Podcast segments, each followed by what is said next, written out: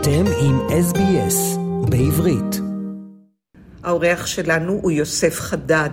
שלום יוסף. שלום, שלום. ברוך הבא ל-SBS. תודה, תודה, שמח להיות פה. יוסף, אולי תציג את עצמך בפני מאזיננו. מי הוא יוסף חדד? יוסף חדד, ערבי ישראלי. אני כיום מנכ"ל עמותת ביחד ערבים זה לזה, עמותה ערבית ישראלית, שפועלת לגשר על פערים בין יהודים וערבים, ולחבר את החברה הערבית הישראלית אל החברה הישראלית כולה. בעצם המוטו שלנו, אנחנו קודם. כשאנחנו אומרים אנחנו קודם, זה ערבי ישראל קודם. נצרת, רהט, לוד, חיפה, עכו, ולא ג'נין, עזה ורמאללה, כמו שאנחנו רואים היום אצל המנהיגים אה, בחברה שלנו, בחברה הערבית. ובין היתר גם הפעילות שאנחנו עושים, זה גם מחוץ למדינת ישראל, לא רק בתוך החברה הישראלית. אנחנו משתדלים כמה שיותר גם להציג את המציאות ואת האמת על מדינת ישראל כפי שאנחנו חיים אותה. כי ראינו שבאמת אה, מלא או לא מעט רשתות אה, ותקשורת ורשתות חברתיות שפשוט מעוותים את המציאות או משקרים על מדינת ישראל, ואנחנו חיים במדינת ישראל, ולכן אנחנו גם יוצאים לא מעט פעמים אל, אה, אל העולם, מארצות הברית ועד אפילו אוסטרליה, כדי לדבר על המציאות הישראלית מנקודת מבט של ערבים ישראלים. אני שמח לראות, להגיד לך שאנחנו באמת מצליחים לעשות לא מעט שינויים, וזה בתחום באמת העשייה ההסברתית והחברתית בתוך מדינת ישראל. אני גם עיתונאי, עובד בערוץ i24 בערבית ובאנגלית.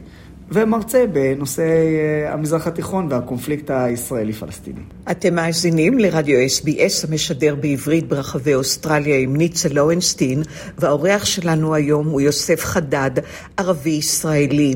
איך צומח ערבי ישראלי בחברה הערבית ומגיע לעמדה כמו שאתה מגיע, שאתה מהווה הסברה למדינת ישראל? ספר לנו מי אתה ואיך הגעת לכך. אני חושב שהשאלה הזו בשביל לענות עליה אני צריך לחזור לילדות. נולדתי בעיר חיפה, העיר המעורבת הכי גדולה בארץ. גדלתי בעיר נצרת, העיר הערבית הכי גדולה בארץ. ותמיד מצאתי את עצמי בין שתי הערים האלו. ובחיפה היינו משחקים כדורגל. במגרש השכונתי בקריית אליעזר. עכשיו, מי היה משחק שם? יהודים וערבים. וככה גדלנו.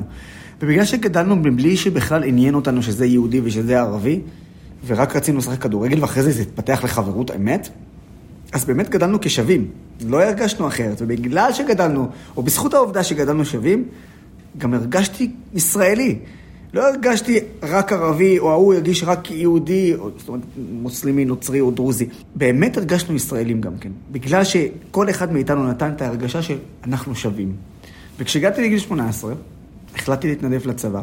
אה, משום שצה"ל הוא צבא הגנה לישראל ולא צבא הגנה ליהודים, וכשצה"ל מגן על כל המדינה, הוא מגן על כל המדינה, כולל האזרחים הערבים במדינת ישראל, וכשלצערי חמאס, חזבאללה והג'יהאד האסלאמי ואיראן תוקפים את ישראל, יהודים וערבים נהרגים מהפיגועים או מהטילים שלהם.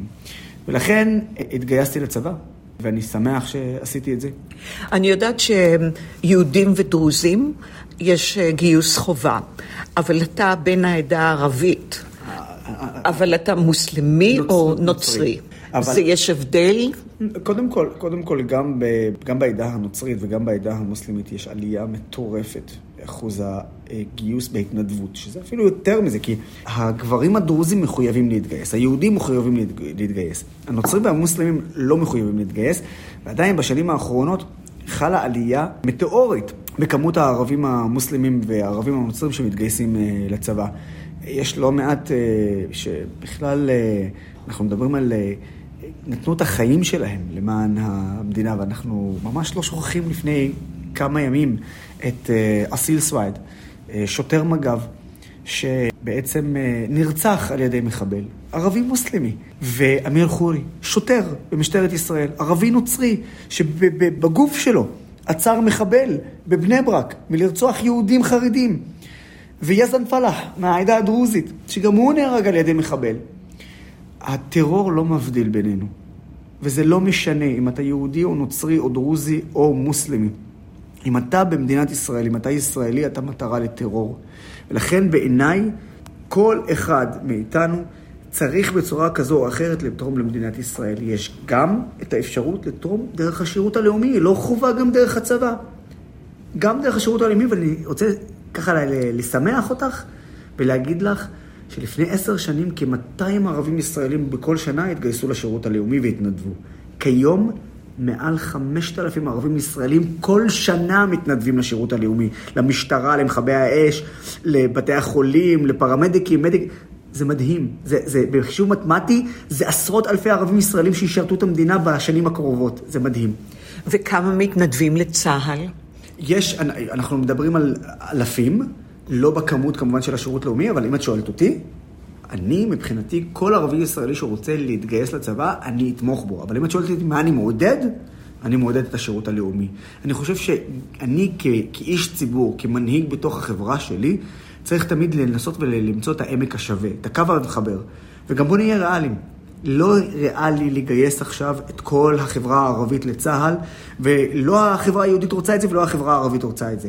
מה כן? השירות הלאומי. הוא המפתח. הוא המפתח לחברה הישראלית, והוא המפתח למה שנקרא האינטגרציה של החברה הערבית בתוך החברה הישראלית. אנו משוחחים עם יוסף חדד, ערבי ישראלי, נולד בחיפה, גדל בנצרת, ואתם מאזינים לרדיו SBS המשדר בעברית ברחבי אוסטרליה. יוסף, אתה מספר את זה כאילו שהחיים שלך מאוד מאוד קלים. ראשית כל אתה נפצעת. כחייל צה"ל אתה נפצעת, ושנית כל, יש כל כך הרבה הסתה, גם בתקשורת, גם בסושיאל מדיה, כמו שקוראים mm-hmm. לזה. בכל מקום יש הסתה נגד מדינת ישראל, נגד יהודים. איך החברה הערבית מקבלת אדם כמוך שהתנדב לצה"ל ופועל למען דו-קיום שלום? אז קודם כל אני רוצה להגיד לך שאני קודם כל פועל למען שותפות. דו-קיום זה, כמובן שאני פועל למען דו-קיום, אבל אני רוצה להסביר מה ההבדל בין שותפות לדו-קיום. דו-קיום זה משהו שמבחינתי אני מסתכל עליו, על היחסים בין האמרתים לישראלים, זה דו-קיום, או בין המצרים לישראלים, או בין הירדנים לישראלים. אבל בתוך החברה הישראלית, בין יהודים וערבים, המילה הנכונה, או ההגדרה הנכונה בעיניי היא שותפות, שרקי, Partnership. זו ההגדרה שאני מייחס אותה ליחסים בין יהודים וערבים במדינת ישראל. והשותפות הזאת היא קיימת. זה שדרך הפוליטיקה לא רואים אותה, אבל ביום-יום רואים את זה. רואים את זה בעבודה, רואים את זה ברחוב, רואים את זה בחנויות, במסעדות, רואים את זה בכל מקום. ולכן רוב ערביי ישראל רוצים בחיים משותפים ביחד עם החברה היהודית, ורוב החברה היהודית רוצה בחיים משותפים עם החברה הערבית. אבל איך היחס אליך באופן אישי, כמי שפועל למען שותפות? חד משמעית, אם לא היה יחס שבו הייתי מקבל תמיכה, לא הייתי יכול להמשיך עם זה. תחשבי על זה, אני מקבל לא מעט שנאה והסתה.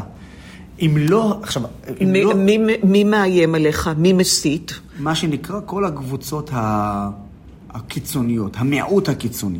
המיעוט הקיצוני בחברה היהודית בצד השמאלי של המפה הפוליטית, המיעוט הקיצוני בצד הימני בחברה היהודית מה שנקרא של הימני בצד במפה הפוליטית, וכמובן המיעוט הקיצוני בתוך החברה הערבית. אני מותקף על ידי שלוש הקבוצות האלו. מה שבעצם משותף לכל הקבוצות האלו, שקודם כל הם מיעוט, זה אחד, שתיים, הם אלימים, ושלוש, הם מפחדים. הם מפחדים מהקול שלנו. למה? כי אנחנו הוכחה שהאג'נדה שלהם לא עובדת. הם חייבים לאיים, כי אם הם לא יאיימו, הם פשוט יפסידו, זה הדרך שלהם. אני, המטרה שלי, לא לתת להם להצליח. ויש לך תמיכה מהמשפחה, מהקרובים? את יודעת מה, לפני שאני אדבר על המשפחה, אני רוצה לדבר איתך על הארגון שלי, ארגון ביחד ערבים זה לזה. עמותה ערבית ישראלית שבאמת קמה כדי לגשר על הפערים בין יהודים וערבים. כשהתחלתי, וזה יענה לך גם, בין היתר גם על השאלה הזו, כשהתחלתי את הדרך שלי לפני חמש שנים, הייתי אני ועוד שני אנשים. שלושה היינו בסך הכל. כיום שני האנשים האלה הם מה שנקרא יושבי ראש הוועד של העמותה. היום אנחנו מאות מתנדבים, אלפי חברים, עשרות אלפי עוקבים שעוקבים אחרי העבודה שלנו. זאת אומרת, אם לא היה לזה ביקוש וצמא, היינו פשוט מתרסקים מלכתחילה. הרי התחלנו עם שלושה. עכשיו לגבי משפחתי, אי אפשר לעשות את מה שאני עושה מבלי שאתה הולך הביתה בסוף ויש לך גב מהמשפחה ואהבה מהמשפחה. בלתי אפשרי, בלתי אפשרי. קמו לפניי אנשים כאלו, שניסו, ואז המשפחה התנגדה, או אפילו התעלמה מהם, או גילתה, פשוט אה, לגמרי אה, הכחיש, התכחשה אליהם. נשברו. נשברו. בלי המשפחה שלי, בלתי אפשרי לעשות את זה, ולשמחתי המשפחה שלי תומכת ואוהבת. ויותר מזה אני אגיד לך, גם אה, אחותי למשל היא חלק בלתי נפרד מהעשייה של העמותה, והיא משתתפת במשלחות ומשתתפת בפרויקטים. מדהים. אין יותר טוב מזה. יוסף חדד, אני מבינה שיש לך חברה יהודייה, עולה חדשה. איך אה, החברה מתייחסת לכך? יש לך טעות כאן. היא לא יהודייה. אמילי באה ממשפחה מעורבת, היא אימא נוצרייה ואבא יהודי. היא אמריקאית ישראלית, ולכן אין לזה משמעות. אז איך החברה מתייחסת אה, ליחסים כאלה? אין שום בעיה. לא אצל המשפחה שלי, לא אצל המשפחה שלה, לא אצל החברה הישראלית, לא אצל החברה הערבית הישראלית ולא היהודית הישראלית. אין שום בעיה. היא באה ממשפחה מעורבת מארצות הברית. אין איזשהו קונפליקט. אני שמחה לשמוע שאין בעיה. מאוד שמחה לשמוע. אני, אני חייב להגיד לך, איזה בעיה יכולה להיות. דיברתי על זה ואמרתי תמיד, גם אנחנו בתוך החברה הערבית, ולא משנה בין אם אתה נוצרי או מוסלמי או דרוזי, ולא משנה בין אם אתה יהודי, חשוב לשמר על המסורת ועל התרבות של הקהילה שלך. ולכן זה לא רק בין יהודים וערבים, צריך גם לדייק את זה. הרבה פעמים מדברים על היחסים האלה כאילו זה היהודים והערבים, ואז מביאים את כל הנושא הגזענות וכן הלאה. יש גם בתוך הקהילה הנוצרית ובתוך הקהילה הדרוזית ובתוך הקהילה המוסלמית, ש... חשוב להם להתחתן ולהיות בזוגיות בתוך הקהילות שלנו. עכשיו, במקרה שלי אין את הבעיה הזאת, משום שאמילי מגיעה ממשפחה מעורבת. יוסף חדד, ערבי, ישראלי, נוצרי, שנולד בחיפה וגדל בנצרת. מה החזון שלך לגבי מדינת ישראל? האם אתה רואה שתי מדינות לשני עמים, או איך אתה רואה את מדינת ישראל? מה האידיאל בעיניך? אני חושב שזו שאלה מאוד חשובה. אני אענה לך על זה בצורה אחרת. שאלו אותי פעמים רבות, מה דעתי על כך שמדינת ישראל היא מדינה יהודית ודמוקרטית? ואמרתי, אוי ואבוי אם זה ישתנה אי פעם. אמרו לי, רגע, לא הבנתי, יש לך... אתה בסדר עם זה שמדינת ישראל היא מדינה יהודית? אמרתי להם, אני פועל על כך שמדינת ישראל תישאר מדינה יהודית. אני אסביר לך למה. משום שביום שמדינת ישראל תחדל מלהיות מדינה יהודית, היא תחדל מלהיות מדינה דמוקרטית. על מה אני מסתמך? תסתכלי מסביבנו. אין אף מדינה ערבית אחת שאת יכולה לקרוא לה מדינה חופשית ודמוקרטית. וזה עובדות. לא הטעיות או התחושות, אה, רגשות, עובדות. ולכן יש חשיבות שמדינת ישראל תישאר מדינה יהודית ודמוקרטית. ולשאלתך לגבי העתיד, קודם כל אני חושב שערבי ישראל הם העתיד, והם אלו שיביאו לפתרון הסכסוך הישראלי-פלסטיני. ושאלת אותי לגבי השתי מדינות. אני אגיד לך כזה דבר. בוא נפשט את זה, בסדר?